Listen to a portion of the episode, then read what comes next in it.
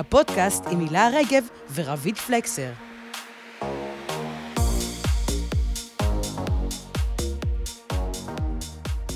אז אני בגיל 18, אה, התחיל לי אקנה. מה פתאום בגיל 18? התגייסתי, עניינים, לחץ. שנים סבלתי מזה. הגעתי לרופאת האור בישראל, בתל אביב, ואמרה לי, רוקוטן. לקחתי רוקוטן, עזר מצוין, כמובן תוך כדי זה שזה הרס לי את הכבד. אה, וכמובן ברגע שהפסקתי רוקוטן זה חזר, זנחתי את העניין והחלטתי לחיות עם זה. כמה שנים אחר כך, גרתי אז בסידני, הלכתי לרופא האור, הוא הסתכל עליי ואמר, בלי שאת לוקחת גלולה, אנחנו בכלל לא מדברים, אין פה עסק. רשם לי יסמין והתחלתי לקחת יסמין, הייתי אז בת 24.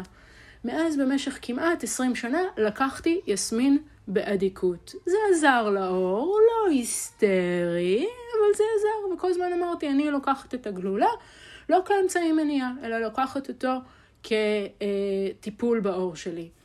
בשנים האחרונות התחלתי ללמוד יותר, להכיר, התחילו, מדבר, התחילו לדבר על זה הרבה יותר. הבנתי שבעצם אני עושה לגוף שלי עוול, וזה לא בסדר, וניסיתי להפסיק. בגיל 36 ניסיתי להפסיק בפעם הראשונה, אחרי חודשיים עזבו שהשיער שלי היה שמנוני ומגעיל, והעור שלי היה מגעיל, הייתי דיכאונית ברמה של אובדנות.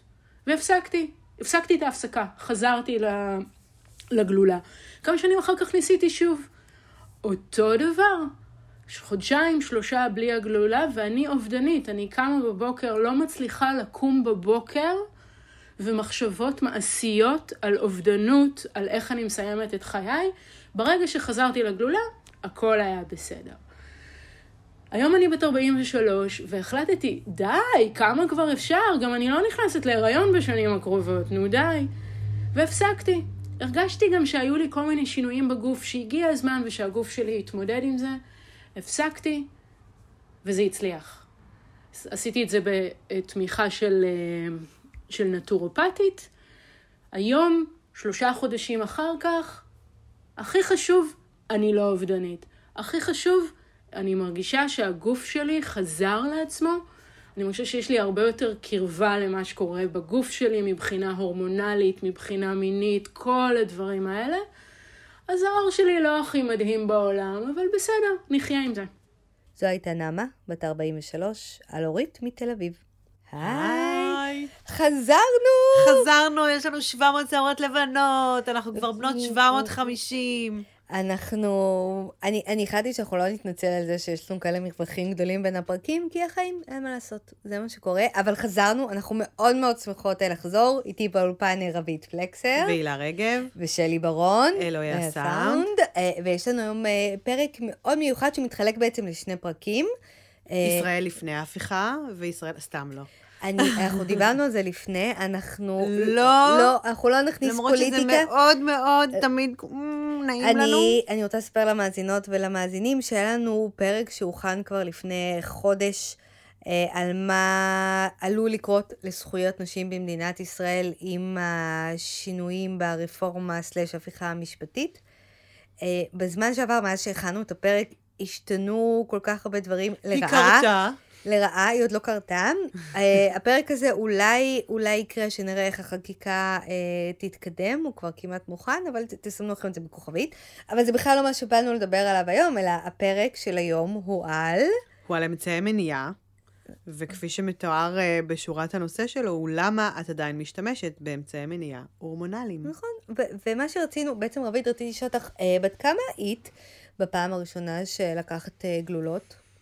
אה, אני רוצה להגיד באזורי ה-16 כזה. אני חושבת שגם אני ככה. אני חושבת, היו לי אה, מחזורים לא סדירים. גם לי. אה, כאב לי, ופצעים, כן, וזה בכלל לא לקחת, זה. בכלל לא היה קשור לאזורי. יש לי חבר, אין לי חבר וכזה, זה היה... להסתיר את המחזור. תפוצצי את עצמך בככה איזה משהו טוב כזה. באמת קיבלתי לדעתי את הרמה הגבוהה ביותר של גלולה, שהייתה at the time. זה היה כאילו רק הורמונים, וזהו. ותוך שנייה כאילו, חזה, דאבל די, כולי אבו נפחה, מסתובב, אבל הוודג' חלק. הוודג' חלק. כאילו, זה, אמרתי, לא אכפת לי, אין פצעים, יש לי ציצים גדולים, בסדר, אני אסתובב לי בעולם, שמחה בטובת לבב. אני, זוכרת בצבא את הלחץ לשכוח. לשכוח, אני, אנחנו מספיק מבוגרות שלא יהיו ממש טלפונים, בטח לא טלפונים עם תזכורות, היו טלפונים עם סנייק בצבא. נכון, שהיית מחליפה פאנלים. בדיוק, נכון. So ולא, much fun. ולא יכולת לכתוב תזכורות, ואני זוכרת, הייתי מפספסת פה ושם, הייתי אוכלת עצמי על זה, והמחזור שלי, הווסת שלי הייתה משתגעת, ובעיקר, אני, אני זוכרת את הפעם הראשונה שהלכתי לקבל מרשם, אני חושבת שאימא שלי הייתה איתי, הרופא שאל אותי ממש, מעשנת? מהמם. לא, קחי מרשם, וזהו. אחרי שלושה חודשים, אפילו לא הייתי צריכה לראות אותו שוב, פשוט זה היה אפשר לחדש דרך המזכירות או משהו כזה. והייתי על גלולות, לדעתי, עד אחרי שהתחתנתי, בוא נגיד מגיל 16-17 עד גיל 29. גם אני, וואו, בדיוק. בול. וואו, מהמם. מטורף. כן. רצוף. כן. רצוף רצוף תקופה כן. כזאת של גלולות, אני. ואנחנו אה, בכלל בכלל לא מיוחדות בזה. אני כמעט לא. לא מכירה אף אחת שלא הייתה על גלולות בשלב מסוים בחייה. עכשיו, אה, אני אקח אותה קצת היסטוריה, כי אנחנו מאוד מאוד אוהבות היסטוריה. ב-9 למאי 1960 אה, קיבלה הגלולה את אישור ה-FDI, ומאז... FDA. FDA, סליחה. FDA בארצות הברית. כן. אה, והיא הייתה בעצם אה, סוג של אקט פמיניסטי. סוף סוף נשים לא היו צריכות להיכנס אל המעגל של לחשש להיכנס להיריון, ואז להפיל, או להמשיך עם הריון אה, לא רצוי, וללדת ילדים לא רצויים. אה, ומאז ועד היום משתמשות בה בסביבות 100 מיליון ומאז ועד היום, נשים. גם היום בארצות הברית אסור אה, לעשות הפלות. אה, אה, נכון, אז אה, איך. אומרים? רגע, אבל זו שיחה אחרת צעד לגמרי. קדימה, שניים אחורה, סקובידו. כן. אנחנו מדברות על גלולות, הקטע אה, בגלולה שיש בה אה, מינון של אה, פרוגסטרון ואסטרוגן אה, במינון מסוים, גלולות שאנחנו משתמשות בהן היום, שקיימות היום ב-2023, זה גלולות דור אה, רביעי, שיש בהן את המינון הכי הכי נמוך, כן. אבל בעיקרון הגלולה נועדה אה, למנוע ממך אה, לבייץ, נכון? ולמנוע ממך אה, להיכנס להיריון. אה, אבל היא גם עושה ויוצרת המון המון תופעות לוואי שהרופאים לא שואלים עליה. ושאין עליהם ממש, יש עליהם תיעוד אה, בספרות המחקרית, אבל כמו שקרה, אה, כמו שבפרק הרפואה המגדרית שלנו, בעיות של נשים לא ממש מעניינות. כן. ועד היום אין ממש מחקר מסודר שחוקר אה, תופעות לוואי של אה, גלולות אצל נשים. מטורף. ומהם התופעות לוואי? ספרי לי קצת את אה, בתור אה, אה, מי מי תשמעי, שהשתמשה. אני לא הרבה, כאילו, כבר המון המון שנים ללא, אבל... רוצה שאני אזכיר לך? אני, אני החלפתי כמה סוגים, כאילו, התקדמתי. עם הדור אה, אחד, דור שתיים, דור זה, אני ממש וינטג', היה לי וינטג' בגלולות. ובצבא היה, הם מכרו רק כמה סוגים ספציפיים, לא היה את הסוג שאת רוצה, אז אם היה לך כאילו את הסוג המיוחד שלך, היית צריכה לוותר חמודה, עליו. אני מזכירה לך שוב פעם, שאני לא השתמשתי בשירותי הרפואה הצבאית. נכון, אני הלכתי נכון. לרופאים פרטיים, ועל נכון, כן. היה לי את אוקיי. סוג הגלולה המועשר באורניום ובציאניד, ולא יודעת מה עוד היה שם. לא, לי היה משהו סגול. פמינט! היה לי פמינט. פמינט? היה לי הכל, היה לי אה, אולי יסמין, אורתו ציקלן, היה לי, יש גם את הגלולה הזאת שהיא בלי אסטרוגן, שנהיה לי פתאום פיגמנטציה, אז אמרו לי, לא, את צריכה לקחת משהו בלי אסטרוגן, גלולות הנקה, איך קוראים לזה? אה, סור... סורט? סורדט? סרוזט, סרוזט. סרזט, סרזט. אוקיי. שכאילו יש שם אה, כזה, "אה, היי, הנה התופעות לוואי, יכול להיות שיקרו לך כולם, יכול להיות שלא יקרה לך כלום. אה, יובש נרתיקי, אי חשק לקיים יחסי מין. מיגרנות. מיגרנות זה ברור. דיכאון. רגע, זה כמו... ירידה בחשק זה המיני. כמו לפסח, דבר. שכין, ערוב. רגע, מה עוד היה? אה, דימומים בלתי פוסקים, או לחילופין, ללא דימומים כלל וכלל. כאילו, יודעת, לא היה לי מחזור לדעתי איזה שנתיים, שלוש רצוף, פטריות בנרתיק. שלא נדע. עכשיו תקשיבי. אמר- אמרת מקודם שהסבירו לך ככה בחטף על אה, תופעות הלוואי, תרגישי את עצמך מבורכת במערכת הרפואה הציבורית, שוב, סליחה, שלרופא יש עשר דקות במקסימום, בכלל עוברים איתך על תופעות הלוואי. רושמים לך את המרשם ויאללה, סעי לשלום, וככה, גם אם זה קורה לך, במיוחד שאת משתמשת בגלולות כל כך הרבה זמן, את, את לא יודעת שזה קשור לזה. אני את עצבנית, אני את עייפה, גם מחדשת אני... את המרשם, את לא אומרת, רגע, אולי אני שנייה אעצר, ואני אלך אליו ואני אגיד לו, בוא נתייעץ רגע, כי אני כבר 700 שנה על הגלולה. אולי רגע, צריך להחליף. את אני החלפתי גלולות בחיי בגלל דברים ספציפיים שקרו, כאילו, לא חשבתי, הייתי דין מולכם מטרה. רצ... אבל זו גם ההנחיה הרפואית, תקחי גלולות, הכל יהיה בסדר. כן, אבל את רוצה- מחדשת מרשם, מחדשים לך מרשם הרי בלי... את בלי- נגמר לך. את לא צריכה לראות את רופא. מחדשת, ביי שלום. אגב, יש לי חברה שכאילו, קצת off topic, אבל בגלל ש... נכון שואלים אותך איזה, את מעשנת, זה, זה, זה, זה. אוקיי. לא שהיא עישנה, אבל ספציפית את, היא הייתה מהצד הלא נכון של הסטטיסטיקה. והגלולות שהיא לקחה פשוט עשו לה סתימת עורקים. קרישי דם, קרישי שזה הדבר. שהכי מסוכן בגלולות. בכבד, ניתוחים, עניינים, ניתוחים בחו"ל, כאילו, זהו, והיא עד היום, פחד אלוהים. היא עד היום עם זה. זאת אומרת, זה משהו for life. פחד אלוהים. ברמת, ברמה מסכנת חיים, מדללת דם והכול. וואו, אז תקשיבי, הגלולה היא חוגגת אה, 73 השנה, ובאמת, לא ילדונת. לא ילדונת, ולמרות... אפשר, צריך להמר, להגיד לזכותה, שהיא גאלה את הנשים אה, מייסורים אה, חד משמעית, רבים הגלולה, וקשים, ובאמת אפשרה לראשונה אה, אה, חופש מיני. חופש על גופן, חופש נכון. מיני, אה, חופש אה, עיסוקי, כאילו לצאת אני- לעבוד ולא לגדל ילדים אם את לא רוצה. יש לך נכון. את זכות הבחירה. ואני רוצה גם להגיד. שגלולה, אם את לוקחת אותה נכון, היא אחד מאמצעי המניעה הבטוחים ביותר, בטוחים לשימוש, אה, אה, גם לטווח ארוך, היא מגנה עלייך כמו שצריך, לא ממחלות מין, אבל כן. מהיריון נכון, אה, נדבר בלתי רצוי. מחלות מין גם. ואני רוצה אה, להגיד לך שיש לי קצת נתונים, את יודעת שאני אה, אוהבת איך היא אה, אוהבת? שוק הגלולות מגלגל, אה, סתם רגע, זה נתונים כלכליים או רפואיים? זה סטטיסטיקות אה, מספריות של מה? אה, אני רוצה להגיד לך כמה, את יודעת מה אני אוהבת להגיד, כמה כסף כן. יש אה, בגלולות. עכשיו, אה, דוח של האו"ם מ-2015 קבע, אני, אני ארחיב על זה אחר כך, אבל תקשיבי, השנה שבה הפסקתי לקחת גלולות. כמה תקשיבי, מרגש. 19% מהנשים הנשואות בעולם, שוב, דוח של האו"ם, 2015, בחרו בעיקור קשירת חצוצרות כדי למנוע אה, הרחבת המשפחה. 14% בחרו בהתקן דו-רחמי, 9% בחרו בגלולה מספר 3.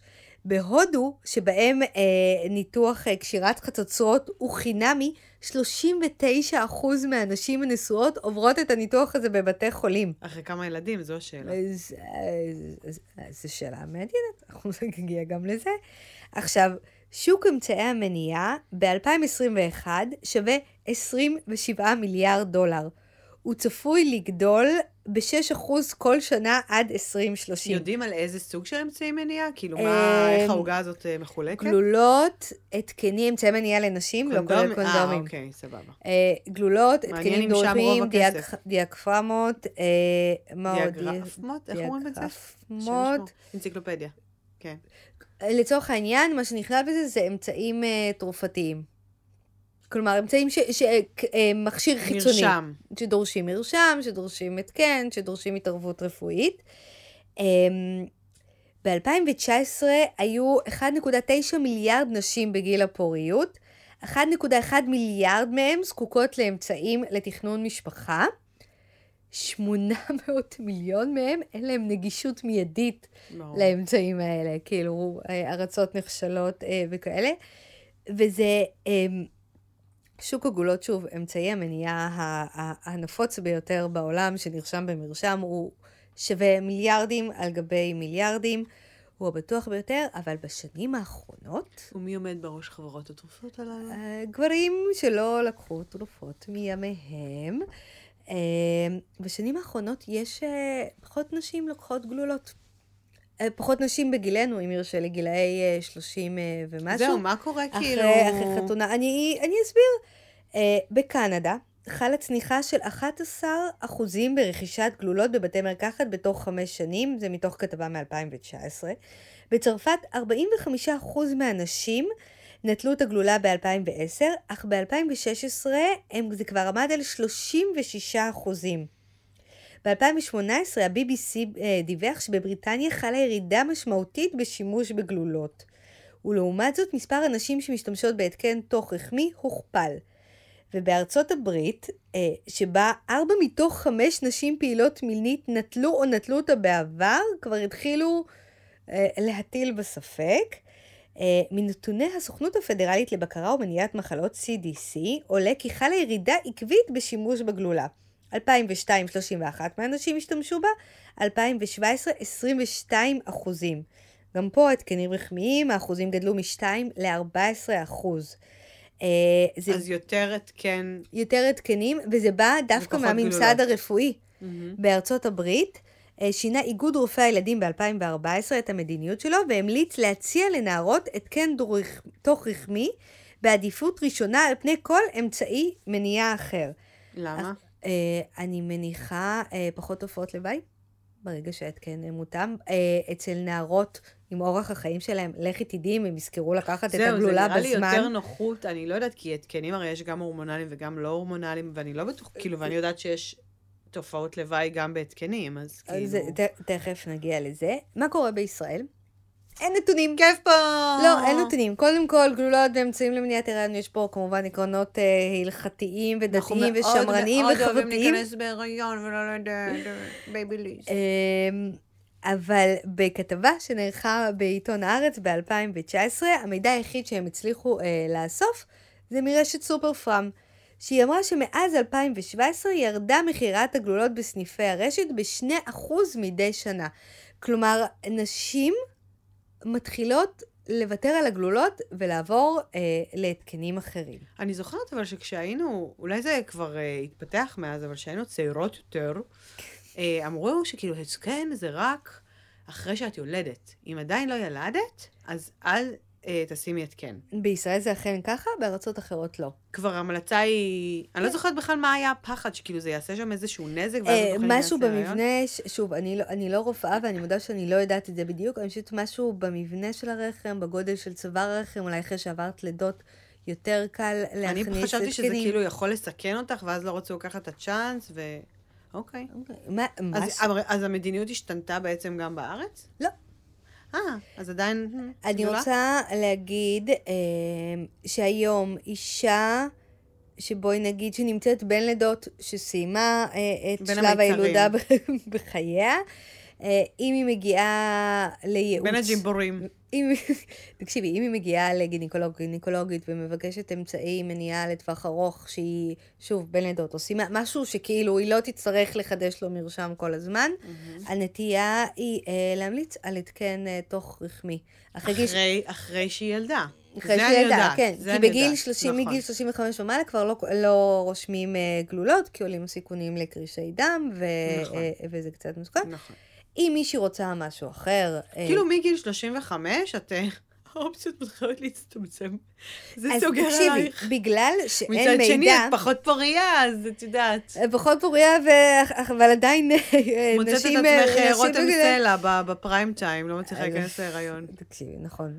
אז רציתי לבדוק בין אה, עוקבותיי אה, אה, באינסטגרם, איפ- במה, במה אתן משתמשות? כי אם, אם אין נתונים של מדינת ישראל, בואי נאסוף בואו אותם. בסושיאל מדיה. וואו, נאסוף אותם, וגם מדגם מייצג זהו, זה, אה, של נשים, אה, סתם, מדגם לא מייצג. זה מדגם ממש לא מייצג. זה כאילו. שיותר משלושת אלפים נשים ענו עליו אה, באינסטגרם לא, שלי. אבל הן נשים מאוד לא- ספציפיות, מאמי. נכון, נכון, נכון. אבל מה שכן, ההתפלגות היא הן כל כך... נשים שאנחנו אוהבות, א', שמסתבר שזה לא רוב העם, כי רוב העם ימני.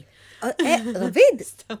אנחנו, בואי נתרכז, תהיי, תמחקי את התמונה של סמוטריץ', של אני אה, לא זה. מסוגלת, זה בא לי בלילות אה, בחלומות. אנחנו עכשיו מדברות על נושאים, אחרים. אוקיי, אז שאלתי באילו אמצעי מניעה את משתמשת, סקר לקראת פרק חדש בפודקאסט.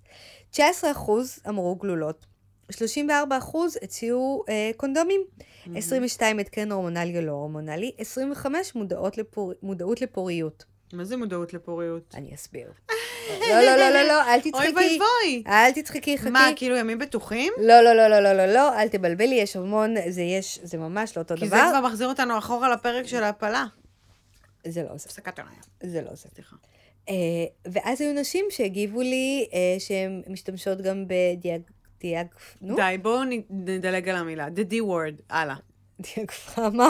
די, זה לא יעבוד. ואני ממש ממש התפלאתי אה, לגלות שיש המון נשים שעברו ניתוח קיסרי וביקשו קשירת חצוצרות. זה כאילו נתון שלא הצלחתי לאסוף עליו נתונים מספרים לא. בשום מקום אחר, אין סטטיסטיקות של משרד רגע, הבריאות שהצלחתי רופאים, משהו, להגיע. מישהו לדבר איתו? מישהו לרוץ איתו? אני, אין, משרד הבריאות, אם הוא אוסף את הנתונים האלה, אה, או שהוא לא מוציא אותם החוצה, או שהוא לא מוציא אותם החוצה להילה רגב. אני אנסה אם יהיה איזשהו עדכון. לא, אבל רופא, רופא שמבצע את ההליך, את הפרוסיג'ר. אז הוא יגיד שהוא עושה, רופאה. אה, לא יודעת מה, על אה, חמש מתוך עשרים ניתוחים. זה לא נותן לנו עדיין נתונים מספריים, אבל מה שמדהים, שזה נפוץ הרבה יותר ממה שאת יודעת. אז מסתבר שלקשוח חצוצרות בזמן ניתוח קיסרי זה עניין שלוקח כמה דקות. ההחלמה, אין שום האמת שאני סיבוכים עכשיו בהחלמה. נזכרת שכן, אני זוכרת ששמעתי מישהי שאמרה שהיא כאילו הייתה כל כך בטוחה שהיא לא מעוניינת יותר בילדים, והיא פשוט ילדה ואמרה לו, תקשור שם, סגור את זה עם תחשבי, אם, הריצ'ראץ'. אם אתה כבר שם, זה כן התערבות רפואית, זה כן משהו יחסית חריג, אבל תחשבי כמה זה חוסך לך. כן. ומישהי אמרה לי, אחת עוקבות, תקשיבי, אני ידעתי שסיימתי את זה. במקרה הכי הכי גרוע, אני אעשה IVF, כאילו, יש דרכים לעקוף את זה. כי הניתוח הוא לא הפיך ברגע שאת קושר- קושרת חצוצרות, אבל יש בזה משהו, שוב, אני לא חושבת שזה מתאים לי אישית, אבל באיזשהו מקום, יש לך, זה, זה איזשהו שקט נפשי. זה גם שקט בכלל, מה, מיקי? יותר ילד. את יכולה לישון. אה, תלוי, ש- תלוי כמה. עשית. אנחנו, יש פה שתי נוכחות בחדר שיש להם ילדים מתחת לגיל שנתיים, ושקט אין. אבל את יודעת, לטווח ארוך, תחשבי על הלונגרן, עוד כמה שנים טובות. 20, יהיה לך שקט. את רוצה שאני אזכור קצת את אה, אמצעי המניעה הקיימים היום? בהחלט, אה, כן. ואני אוקיי. רוצה שתסבירי לי אחרי זה את ה... אוקיי. אז יש ימים נשים, בטוחים, במה נשים. ישראליות משתמשות, מה אפשר להשיג אה, בארץ בקלות עם אה, אה, מרשם רופא?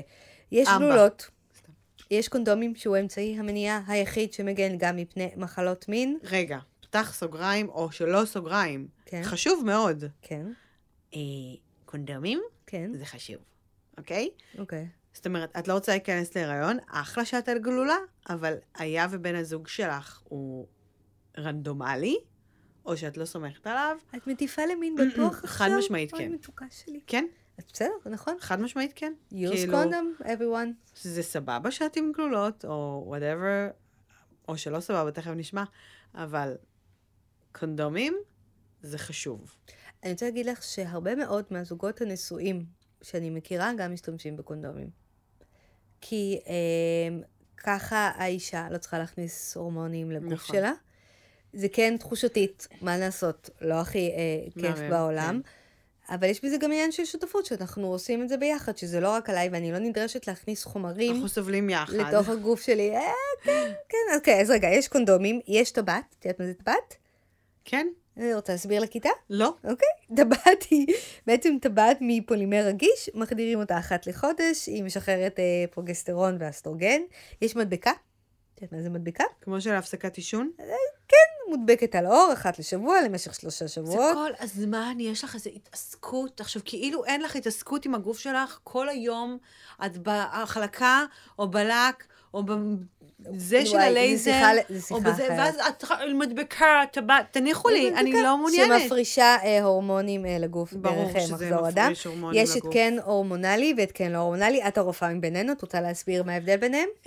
האמת שאני לא כל כך סגורה על מה ההבדל ביניהם, אני יודעת שלשניהם, סליחה, יש את ההשפעה לטוב ולרע.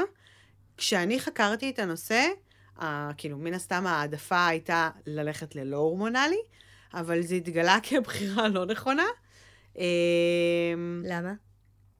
אז זהו, שאני לא זוכרת כל כך להסביר לך, אז אני לא רוצה אוקיי. חלילה להטעות. אבל uh, לכל אחד מהם יש את היתרונות והחסרונות שלהם, זאת אומרת, זה לא מובהק, לכו על הלא הורמונלי. נכון. אה, התקן לא הורמונלי הוא בעצם מין אה, אה, אה, פיסת מתכת שמוחדרת אה, לרחם. גם אה, אה, הורמונלי. נחושת, גם הורמונלי. אה, הלא הורמונלי, אה, צריך להוציא אותו אחרי חמש שנים, הוא עלול אה, לגרום לדימומים כבדים גם יה- את ההורמונלי צריך להוציא. תוך חמש. עד שלוש שנים, כן, שלוש עד חמש שנים. כן, אה, שניהם יכולים מאוד להכאיב, נכון. לכאוב בהכנסה ובהוצאה שלהם. את אה, סיפרת לי, כן, נכון, סיפרת נכון. על החברה שלך. נכון. תספרי את החברה שלך. יש לי חברה, וואי, אני לא זוכרת את הסיפור. יש לי חברה שהכניסו לה התקן, אה, זה אגב למדתי והייתי בהלם, לא ידעתי, שהחדרת התקן אמורה להיות מלווה באולטרסאונד. אה, החדירו לה התקן, לא בליווי אולטרסאונד, אה, שזה בגדול, כאילו הרופא בא וזורק לך עורגתקה לתוך הנרתיק. כאילו, ממש מתכווצת פפאינג. וזה אמור כאילו כזה להיפתח, עזבו, באמת, מחריד חרדה. אה, לא עשה את זה טוב, והיא פשוט כאילו שכבה שם, היא כזה אמרה לו, תקשיב, אה, כאילו, זה לא נח לי, זה לא נעים לי. אה, תנוחי, תנוחי פה איזה שעה, תראי זה, והיא כזה לא הצליחה ללכת. זה בול הפרק שלנו על רפואה מגדרית, סליחה. הלכה הביתה, ממש ככה. הלכה הביתה ו- וכאב. כאב לה, כאילו ברמה שהיא אמרה לי, תקשיבי, ילדתי וזה היה כמו התחלה של הצירים. עכשיו, זה לא תיאור טוב להליך, כאילו, שאמור להיות די פשוט וסבבה וזה. ובאמת מסתבר שהוא פשוט לא החדיר לה אותו טוב. וואו. אה, הוא- היא באה למחרת, כאילו לא שאלו שאלות, פשוט הוציאו אותו. היא הייתה כזו בטראומה שהיא לא רצתה להחזיר עוד פעם אחרי זה. היא כמובן הלכה לרופא אחר, שאמר לה שלא, כאילו, הדור החדש של הרופאי נשים ורופאות אמורים ללוות החדרה של התקן עם ליווי של אולטרסאונד. אז הנה טיפ, אה, לא ללכת לרופאים שלא עושים את זה, כי ככה גם ברמה הכי כאילו, את יודעת, אני רוצה לראות, רוצה שתסביר לי, רוצה להבין מה קורה, ולא כאילו שפשוט כאילו, זה, כמו שעושים כזה עם היד, פוינג, את יודעת, כזה וואו. של הציקלווין כזה, לא יודעת איך זה התנועה שאני עושה כרגע עם היד, פשוט משגר לה אה, גוף זר מתכתי לתוך הווג'וג'וג'ו, וכאילו, מסכנה, באמת, היה, וואו. אני זוכרת שהיא לא היה טוב at the time. אה, כן, אז אוקיי. בקיצור, למדנו והשכלנו ואפשר להתקדם. אני אה, אמשיך ברשותך לפרט כן. על אה, אמצעי מניעה. נוספים. יש דיאפרמה. הנה, אמרתי את זה נכון. לא כן, נראה לי. לא אמרתי את זה? חסרה גימל. דיאגפרמה. בסדר, יאללה, דלת. דיאגפרמה, סליחה, מאזינות ומאזינים. דיאגפרמה. אני לא יודעת כמה מאזינים זו היו בעצם... פה. נראה לי שבחתיכת מתכת שמוחדרת לנרתיק איבדנו את כל המאזינים שלנו. לא, לא, לא, לא, לא. זה- לא, זה מאוד חשוב, תקשיבי, רגע. דיאגפרמה היא בעצם כיפה עשויה גומי, היא מוחדרת אה, לנרתיק, לרוב בשילוב של אה, קוטל זרע. יש את ספוגית, שהיא כן. כמו דיאגפרמה, היא פשוט לשימוש חד פעמי. ואז גם את מוציאה מחזירה, מוציאה מחזירה. אה, אם זה חד פעמי, אז לא. לא, את כאילו, ואז עוד פעם, את צריכה מחדש. מחדש. נכון, מחדש. נכון, נכון, די, נכון. את מבינה? די. זו עבודה. לא, לא, זו עבודה. חכי, אנחנו תכף נגיע לזה. יש, אה, אחת העוקבות כתבה לי, שיטת הלגמור בחוץ. אמרתי לה, אני בטוחה שהלשכה... שיטת ה... ש- נו, איך אה, קוראים לזה? שיבה הרשות בייבי. לאוכלוסין כן, תודה לך. במדינת ישראל, תודה לך. אל אה, תנסו את זה בבית, מתוקות ומתוקים. זו לא שיטה טובה. יש לי טוב. מישהי שממש הקימה משפחה עם השיטה כן, הזאתי. שיטה ממש טובה ל... ויש את השיטה- לשילב, זה שילב, המניות של שילב פצצה. שיטה למודעות לפוריות, שהיא שיטה מדעית, לא שיטת הימים הבטוחים, אנחנו נרחיב עליה ממש עוד מעט, אבל היא דורשת אה, מודעות אה, לחום גוף, הפרשות, אה, מיקום צוואר הרחם. שזה עוד פעם עבודה. נכון. זה עכשיו, רביד, כל אמצעי המניעה שהזכרתי, אה, ויש, הזכרתי את המדבקה, הזכרתי את הטבעת, הזכרתי את ההתקנים, מה, מה בעצם, מה משותף לכל, לכל מה שברשימה?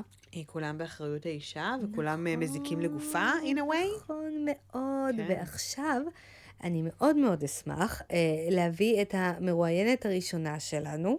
אה, שרון אורשלימי היא דוקטורנטית בבן גוריון, שהדוקטורט שלה עוסק באמצעי מניעה בישראל, מדיניות, פרקטיקה בשירותי בריאות ודפוסי שימוש בקרב נשים.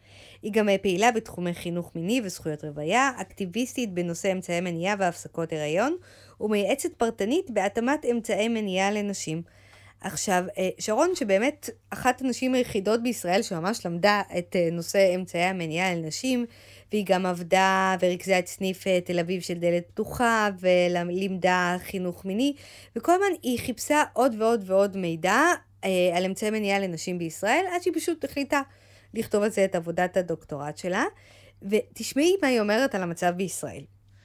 וכן אני אגיד שבישראל יש ממש הנחה מדיקלית, זאת אומרת קלינית וגם הנחה חברתית, שמניעת הריון היא באחריות נשית, אה, מניעת הריון זה תפקידן של נשים, ומניעת הריון מתקיימת בגופן של, של נשים. זאת אומרת, גם המערכת הרפואית וגם החברה מחזיקים באותם ערכים סביב הסיפור הזה של חלוקת האחריות או הנטל של המניעה, וגם איך זה צריך להיות. זאת אומרת, זה צריך להיות מדיקלי, וזה צריך להיות בגוף האישה, וזה צריך להיות באחריות נשית. עכשיו, אני חייבת להגיד שהשיח הזה היה אה, נפוץ, רווח וחשוב בתחילת השיווק של הגלולה ב-1960 בכל העולם. זאת אומרת, הסיפור של אמצעי מניעה בעצם אה, מתחיל ומתפתח בין היתר, אה, כשלנשים לא היו הרבה זכויות. אה, זה היה חלק מהמאבק למען זכויות. והאפשרות של נשים לשלוט על הפריון שלהן ללא חלק של גברים בהחלטה הזאת הייתה חידוש מאוד מאוד מאוד פמיניסטי ל-1960. היום זה כבר לא המצב. המציאות מאוד מאוד השתנתה, ויש אה, הרבה יותר נשים שנמצאות בזוגיות יותר שוויונית מאשר מ-1960. ועדיין יש איזו פרקטיקה שקופה כזו, שזה נורא ברור שבזוגיות ארוכה נשים משתמשות באמצעי מניעה וגברים לא. שכאילו קונדום זה למין מזדמן או קשר קצר, וכל השאר זה לקשר ארוך, וזה אצל נשים. אז יש איזושהי פרקטיקה, גם שאנחנו מחונכות אליה, גם שהרופאים מחונכים אליה, וגם שגברים מחונכים אליו. התפיסה הזאת שזה אחריות שלנו. עכשיו, אני כן אגיד שהיום המערכת הרפואית כן רואה חשיבות בייעוץ אה, ושימוש באמצעי מניעה בקרב נשים, כי אנחנו יודעות שריווח בין לידות, מניעת ילודה, אה, משפרים את בריאות האישה, משפרים את בריאות המשפחה, ומייצרים אה, מוביליות חברתית, מחלצים נשים מעוני, אנחנו יודעות את כל הדברים האלה. אבל, ופה יש אבל גדול, איך יכול להיות שמשהו שהפך מבחירה, הפך, משהו ש... סליחה, איך, איך אפשר שמשהו שהתחיל כבחירה, הפך להיות חובה? זאת אומרת, האם עצם קיומה של טכנולוגיה למניעת הריון שמתקיימת בגופן של נשים, אה, מחייבת אותי להשתמש בה? אז מה ששרון בעצם אומרת, הגלולה שחררה את הנשים לפני 70 שנה, מדהים, מדהים, מדהים, איזה יופי, אבל במהלך הזמן זה התקבע שכל האחריות למניעת הריון, בתור מי שנושאת ברוב העול של הדבר הזה, הוא על האישה. זה כבר נהיה חובה. כלומר, אם את לא תדאגי לזה, הוא בטח לא ידאג לזה. כן, ברור, זה כאילו, אה, הנה, יש לה את הפתרון הזה שלה, היא, היא תעשה את הדבר הזה, ובסדר גמור. ורוב אמצעי המניעה שהזכרנו אה, מקודם, חוץ מקונדומים ומודעות לפוריות שנתייחס לזה, מערבים איזושהי שגם החדרה... שגם היום, בואי, שזה סבבה וזה שוויוני, אבל מתקופת הרווקות, כאילו, חברותיי ואני הסתובבנו עם קונדום בארנק, או ליד המיטה, כי כאילו, הם ליטרלי, כאילו גברים לא מסתובבים עם זה עליהם. הם כאילו חושבים שפיית הקסמים כאילו תגיע והכל יהיה בסדר, לא יודעת, זה, זה עד היום קורה. בא לי לשאול אותך אם יצא לך פעם שגבר אה, הוריד קונדום במהלך אקט, אני לא אדבר על זה, כי אינני חושפת את... לא, בדיוק, ואז אני אומרת, אולי זה דיון, אולי זה פרק עתידי. אני קראתי על זה ב... אני חושבת שאופיר סגרסקי דיברה על זה. נכון. והיא הסבירה שזה פשוט אונס. לכל כאילו, דבר. לכל דבר ועניין. לכל דבר. אבל ממש ממש רציתי עכשיו מהזה. כן. אני רק אומרת שבמהלך 70 השנים האחרונות התקבע שזה גם האחריות של האישה, ובמסגרת חלוקת האחריות הזו, את, בכל דרך שתסתכלי על זה, מכניסה הורמונים או חפצים לתוך הגוף שלך, כדי למנוע מעצמך להיכנס אה, להיריון. כן. לכל ההליכים האלה, המכשירים האלה, התרופות האלה, יש תופעות לוואי שלא נחקרות כמו שצריך. למה הן לא נחקרות? א', 70 שנה ל- ל- לתרופה, להליך, לאמצעי, הם עדיין זמן קצר, במיוחד שכאילו, למשל, הגלולות כל הזמן משתנות. בואי, מה זה זמן קצר 70 שנה? כאילו, זה נשי. כן, נכון, וגם, זה פחות, תופעות לוואי... אני יכולה לחשוב על תרופות שקיימות פחות ונחקרו יותר, בוא נגיד נכון, את זה ככה. אבל אה, אז יש את הסושיאל מדיה, ונשים מתחילות לדבר, ונשים מתחילות להשוות, וגם נשים מתחילות לדבר אה, בינם לבין עצמם. את יודעת באיזה אמצעי מניעה את משתמשת, מה את ובעלך עושים, מה את ובן הזוג שלך עושים. אה, גם לי כואב ככה, אה, גם אני הרגשתי בדיכאון, נשים משתפות וחולקות. וכמו שאמרנו מקודם, יש... אה, גם נטישה של הגלולות שהם ההארדקור של ההורמונים, וגם סוג של אה, חלוקת אה, אחריות. כלומר, יש היום מודעות לא רק לאחריות של האישה ולתופעות לוואי, וככה שזה לא תמיד הגיוני שאנחנו מתערבות במערכת ההורמונלית שלנו כל כך הרבה שנים ברצף, אלא שגם יש פה איזשהו, איזשהו סוג של עניין של אה, שותפות גורל. אה, ומי שמדברת וכותבת על זה אה, בצורה נפלאה היא בר אומנסקי, אשת תקשורת, כותבת ומרצה, שבעלת חברה לייעוץ אסטרטגי ל storytelling עבור מותגים, וגם מנהלת הקהילה האינסטגרמית בגוף ראשון. אה, ובר, שהיא מציגה את עצמה כמי שלובשת את הלב על השרוול שלה, אה, התחילה לפני כמה חודשים להפסיק עם הגלולות, והיא כותבת על המסע הזה, איך היא מקבלת את הגוף שלה ואת המיניות שלה בחזרה, היא נמצאת בזוגיות, היא נשואה, אה, והיא גם מספרת שהיא התחילה את הגלולות, לקחת את הגלולות בגיל 14, שוב, בגלל לווסת לא סבירה, היו לה כאבים משמעותיים, היא הרגישה שהיא משותקת למיטה במשך כמה ימים, גינקולוגית מאוד מוצלחת וידועה, שלחה אותה לאולטרסאונד ונתנה לה גלולות. ועכשיו, אחרי אה, המון המון שנים, היא מפסיקה את זה בהחלטה משותפת יחד עם בן הזוג שלה, והיא מתארת את זה ממש כ- כסוג של מסע משותף. דנו ואני בעצם יצאנו למסע לגלות אמצעי מניעה מחדש, מתוך באמת תפיסת עולם שהעול הפיזי והנפשי והרגשי, שבעצם הוטל על כתפיי מגיל כל כך צעיר, לא יכול להמשיך למצוא מקום בתוך הזוגיות שלנו, אבל בראש ובראשונה לא בחיים שלי כבן אדם פרטי, שהוא גם מעבר ללהיות פרטנרית עבור מישהו. ואני חושבת שזאת גם נקודה שהיא זאת שחיזקה את הקשר. ההבנה שיש פה שותפות והדדיות גורל, שהיא גם ביצירה של חוסר נוחות לפעמים, כי בלי קונדום זה כמובן נהדר, אבל יש לשנינו כאן mission statement, שהוא לשמור על שנינו בריאים ושמחים, וזה פשוט לא מצליח להתקיים עם הגלולות. אז אנחנו בחרנו קונדומים וגילינו עולם שלם מרגש ונעים שגם כיף לי לכתוב עליו, אבל לכל אחת באמת יש את מה שיתאים לה ולבן או בת הזוג שלה, וזאת לא חייבת להיות גזירה משמיים. בכל מה שקשור לליהנות ממין כשאת בלי גלולה אה, ומחפשת אלטרנטיבה אחרת. מה שבר אומרת, ואני מאוד מאוד מסכימה איתו, אוקיי, 70 שנה היה את הגלולות, שחרור נשי, הבסנו את עצמנו הורמונים, הורמונים, הורמונים, הורמונים, הורמונים. זה גם מה ששרון גם חיזקה, היא אמרה, המערכת הרפואית הולכת על בטיחות ויעילות. כלומר, אה, ברגע שמצאו אה, אה, גלולה שהיא הכי בטוחה שיש והכי יעילה שיש 99%, ירשמו אותה ל-99% מהאנשים, כי תופעות הלוואי, ויש קצת תופעות לוואי לגלולות, ויש גם סכנה לסרטן צוואר הרחם, וסרטן השד וכאלה. זה בטל ב-60 לעומת היעילות שלה. כאילו. אני רק שאלה, וסליחה על הדעה כן. הפופולרית, אבל uh, אנחנו אומרות הורמונים, הורמונים, הורמונים, אבל הלכה למעשה, כאילו, כמה זה נורא, באמת, כאילו... תשאלי נשים שהיו על גלולות במשך עשרות שנים והפסיקו. איך הגוף שלך פתאום, כאילו, את יודעת, יש תמיד, הגוף שלי מתנקה מגלולות. את מכניסה הורמון סינתטי לתוך הגוף שלך, שמשפיע לך על כל המערכת. הוא לאו דווקא מקלקל אותה, אוקיי? זה לא שאם תקחי גלולות יהיה לך סרטן. כאילו, וגלול... אני רק רוצה שניזהר בלא להפוך משהו לגורף, כי את מכניסה את הורמונים, זה נורא, וטה טה טה. כי גם אני, שלקחתי גלולות המון המון שנים, וחלקן היו מאוד מאוד הורמונליות, והרגשתי את זה, בסופו של יום, אני לא... לא הרגשתי שזה ממש כאילו... השפיע לי על החיים, או שינה... ברור שהיו, ברור שהיו, כן? אבל בסוף זה נתן לי רווחה אחרת, שכנראה ה... הדבר ש... ש... שקיבלתי הוא יותר טוב.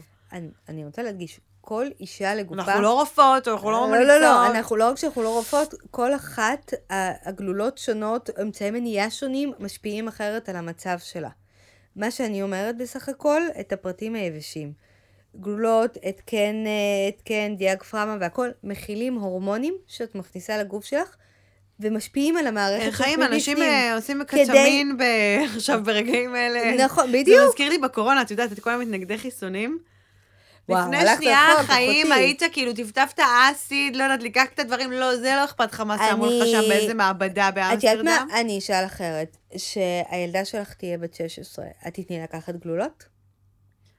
אה, אם זה, אם זה יהיה הדבר הכי טוב באותו רגע לעומת אמצעי מניעה אחרים, והיא תרצה להתחיל לקיים יחסי מין, או שיהיה משהו גופני שיפריע לה, אז כן, אני אתן לה לקחת גלולות. זו התשובה שהגלולות ממש לא נאסרו פה באופן גורף. אני רק הצבעתי על כך שסטטיסטית יש ירידה בכל העולם. קח אותה אומנם לשלושה רופאים שונים ורופאות שונים, ואני אעשה סקר שוק, ואני אבדוק מה, סתם. לורי, אני, אני מחזקת אותך מפה. יש לנו ביטוח רפואי פרטי מורחב, הכל כולל הכל. את יודעת מה? אני אחדד את הטענה שלי. כן. כשאת מגיעה לרופא, בין אם את בת 16, 20 או 32 ומבקשת אמצעי מניעה, הדבר הראשון שהוא רושם לך זה גלולות. כי זה יעיל ובטוח, 99% ועם מעט תופעות לוואי שידועות. אבל אולי יש משהו שמתאים לך יותר. במערכת הרפואית כיום אין אפשרות להתאים לך אה, אה, אמצעי מניעה שמת... כמו שאת צריכה. לאורח החיים שלך, להתנהגויות שלך. תראי, באופן עקרוני, should, כאילו, הם נכון? צריכים לשאול אותך, היא או הוא, צריכים לשאול אותך שאלות כמו, אני לא מדברת איתך על דברים כאילו, כמו לשלוח אותך לעשות בדיקות דם ולשאול אותך אם את מעשנת, שזה דברים שאת חברה שלי לצורך העניין היו מצילים. את יודעת למה צריך לחדש את המרשם אחרי שלושה חודשים? כי אם יש תופעת לוואי אחרי שלושה חודשים, אז אה, את כבר אמורה לדעת אותם, אבל במערכת הבריאות, בנושא גלולות ספציפית, בכלל אמצעי מניעה, סליחה, לא רק גלולות, מצופה ממך לדווח לרופא שלך על אה, תופעות לוואי שקרו לך בעקבות שימוש בתרופה. אבל מאיפה לך לדעת? מאיפה לך לדעת שזה שהחזה אה, כואב לך, או שיש לך כאבי ראש, אבל זה מה שדיברנו עליו מיגרנות. בפרק על הרפואה המגדרית, ואמרנו שאת לא יכולה להיות אמבה. כאילו, את חייבת לקחת נכון. אחריות על החיים שלך ועל הגוף שלך, ולא לצפות ממישהו חיצוני. שלא ישן בלילה, כן ישן בלילה, עבד אה, בתורנות, טה-טה-טה-טה-טה, אין- ועכשיו גם צריך לבוא ולשבת ולשוחח איתך על החיים שלך, כי בואי, גם נשים אוהבות מאוד לשתף. אז תגדילי ראש, תבדקי את אז עצמך. רגע, רבית, אז אני, אני אחדד למען המאזינות למען שלנו. החידוד. כל אישה וגבר זכאים, רשאים ומומלץ שיבחרו להם את אמצעי המניעה הטובים ביותר עבורם, אחרי שהם עשו אה, מחקר ושאלו והתעניינו. בדיוק. וגם אנחנו מאוד ממליצות להגיע לרופאה או לרופא שלכם עם ידע. עם ידע ושאלות. כי נטיית המערכת היא מהיר, יעיל ובטוח, אוקיי? מה שמוביל אותנו אה, לשיטה של, אה, את לא תאהבי אותה, אבל זו שיטה אמיתית, שיטת המודעות לפוריות. זוהי לא איננה, מודעות, מודעות. מודעות. זוהי איננה שיטת הימים הבטוחים. אוקיי. שיטת המודעות לפוריות, את יודעת מה? אני אתן לשרון להסביר. חשוב לי להגיד ששיטת המודעות לפוריות היא שיטה מבוססת מדע, שבעצם האישה לומדת אה, לקרוא את מדדי הפוריות שלה אה, במשך מספר חודשים אצל מנחה מוסמכת לשיטה. זה לא משהו שהיא עושה לבד, זה לא משהו שהוא ספירת ימים, וזה לא משהו שהוא אפליקציה או מדחום. מדובר בכמה מדדים. מדד אחד זה חום השחר, שזה באמת המדידה של חום הגוף כל בוקר. אה, מיקום של צוואר הרחם כל יום, ובדיקה של הפרשות כל יום. אחרי שאת עושה את זה במשך כמה מחזורים, אפשר להתחיל לתרגל את השיטה ולסמוך עליה, אחרי שלמדת את, ה, את החלון פוריות וסממני הפוריות שלך. טוב, מה שאתם, אה, מה שאתן לא רואות שאני עושה כרגע זה לגלגל עיניים. שאגב, בן זוגי אומר שאני ממש טובה בזה. שאני כאילו באופן לא מודע מגלגלת זה- עיניים עליה. זה נשמע לך ממש מופרך מה שהיא הציעה? זה נשמע לי כאילו גם סבבה, זה נשמע לי מסוג אנשים האלה שיש להם יכולות על וכל מיני כזה אינטואיציות וזה, אבל אני, אין לי, אין לי, אין לי אינטואיציות, ואין לי יכולת להתחיל לעשות מעקבים ומדידות. לא בשבילך. ולעשות, את יודעת, זה מזכיר לי את ה... שאתה מאושפז בבית חולים, יש את הסיור בוקר, שכל הרופאים באים ומסתכלים לך על הגיליון, ובודקים, לא מעוניין עכשיו לעשות את כל הגיליון הזה. את יודעת שיש אמצעי מניעה שהוא שתל תת-עורי? משתילים לך מתחת לאור, זה מפריש הורמונים, וזהו, את לא צריכה לעשות כלום. זה קצת- ממש שחורה כזה. כן, אבל כן. מה, בשביל רביד, בשביל אנשים כמוך, קוראים לזה התקן. כן, רק סוג בהשתלה, וזהו. בסדר. זה כאילו, זה אותו דבר. זה, זה נראה לי משהו שיכול לעבוד.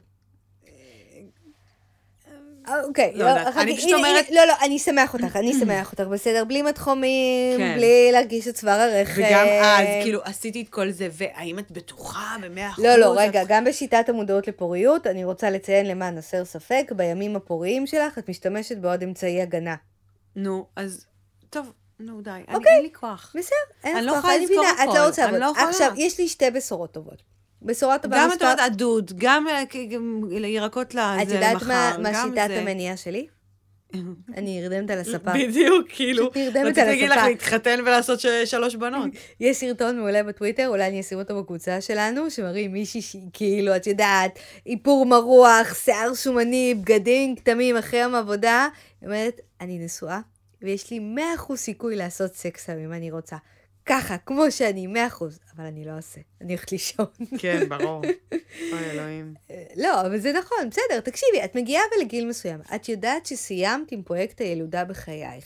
יש לך לפחות עוד עשור של, בוא נקרא לזה, אה, מחזורים תקינים בווסת וסיכוי קלוש להיכנס להיריון. לא כזה קלוש, כאילו, סיכוי, אז את רק מחזקת אותי כן. סיכוי להיכנס להיריון, מה אני עושה עכשיו? וההה, את זוכרת לא, שאמרתי... גם מי רוצה, באמת, מי רוצה בשלב הזה אה, להתחיל להמר פה? לא, לא, נכון, וגם נכון. עוד מעט זה כאמור לא יהיה חוקי גם כאן, ואז בכלל. שתל תת-עורי, טוויק, כן. טוויק, טוויק, טוויק. יואו, אה. וזה הכי כאילו רזיסט, זה הכי סיפורה של שפחה, שכזה עשיתי את השתל. איך מתאים לך לעשות לא משהו. כזה? רביד, להתרכז. כן. אוקיי. אמרנו מקודם שיש איזה יותר ממיליארד נקודה אחת נשים בעולם שזקוקות לאמצעי מניעה. ו-100 אלף, 100 מיליון נשים ברחבי העולם שכל שנה שמשתמשות בגלולות. מטורף. המון כסף. המון כסף. את יודעת שאני אוהבת לדבר על כסף. תעשיית הפמטק, שכל כך אה, אני אוהבת לדבר, איתה, לדבר עליה בפודקאסט הזה, אכן זיהתה את הצורך של נשים באמצעי מניעה בטוחים, יעילים, הורמונליים או לא הורמונליים, קלים, שלא צריך לזכור אותם בעומס המנטלי שאנחנו נמצאות בו כרגע. ויש אלפי חברות בישראל וברחבי העולם שעומלות ברגעים אלה ממש על אמצעי מניעה אה, דור חדש. רעיון. מגניב, תשאירי את הסניפים של זרה פתוחים 24/7. אמצעי מניעה, פגז.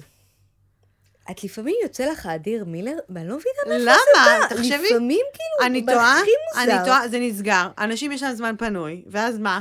ילדים. השטויות שאמרת, אפילו את סירי בטלפון שלי, די? די, תודי שזה היה אוקיי, זו הבשורה הטובה. הבשורה כן. השנייה, למה שלא נעביר את האחריות לגברים? אה, רגע, יש היום דרך להעביר את האחריות לגברים. אם כבר, אם אתם בזוגיות ארוכת טווח, והחלטתם צו שסיימתם... הרחקה. לא. והחלטתם שסיימתם את פרק הילודה אה, בחייכם המשותפים ואתם כעת פנויים אה, לגדל את המשפחה הנפלאה שלכם, למה שהוא לא יעשה ניתוח כריתת צינור הזרע? או, פרצוף על הפנים של רביד עכשיו! לא, כי כאילו, הם הם לא מסוגלים לקחת אופטלגין, חיים. מה, את רוצה להכניס אותו לאשפוז כירורגי? בפרק הבא, בחלק ב' של פרק אה, אמצעי המניעה שלנו, יבואו גברים? אנחנו נראיין לראשונה גברים Here comes שעברו, the bride? אוקיי. שעברו אה, בישראל, שזה ניתוח נדיר, יקר, שנעשה באופן פרטי, ואין עליו כמעט מידע. אה, וואו. וסקטמי, ניתוח וואו, חלק. הם ממש כאילו, הם מקדימים את זמנם, הם כאילו היונה וולך של ה- של הצינורית הזרע. אני מתה להיות בראש שלך, מתה להיות שם. מקדימים את זמנם, כמו יונה מקום וולך. מפחיד. אה, וגם עם אה, אה, חוקרת שחקרה את התפיסות החברתיות והדתיות והמשפחתיות של אה, אה, וסקטמי בישראל, ועוד כמה דברים מעניינים. ואני רוצה אה, לסכם את הפרק הנפלא הזה. ולהגיד שוב, אם זה לא היה מודגש, אני כי שוב, מרגישה שאנחנו כל פרק מסיימות ב- אל תיכנסו להיריון בטעות.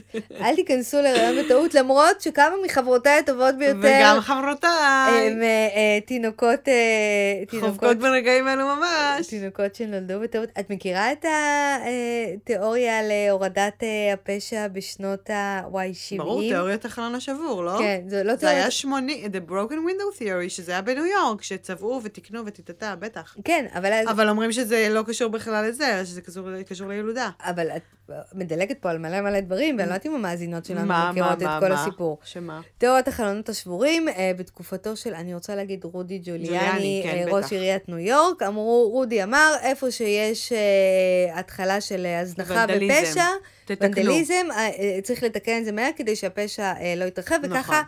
ירד אה, הפשע אה, בצורה ניכרת. אה, מה ש...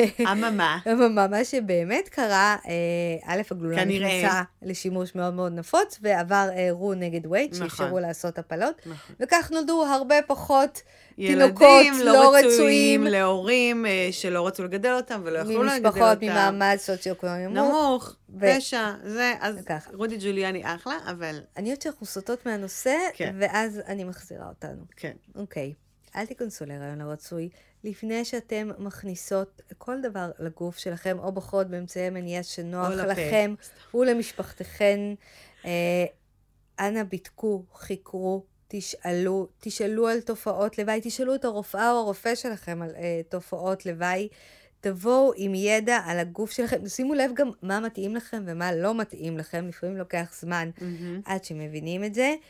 אמ, לא כל גישה מתאימה לכולם. שוב, הפרצוף שרבית עשתה על שיטת המודעות לפוריות. שוב, שאני לא משתמשת בה, השיטה שלי היא הימנעות ושינה במקומות מוזרים. אני אוהבת כאילו לא להוריד את האיפור, ואז הוא נמרח, ואז גם אם כאילו הבעל מעוניין, זה פשוט עובר לו.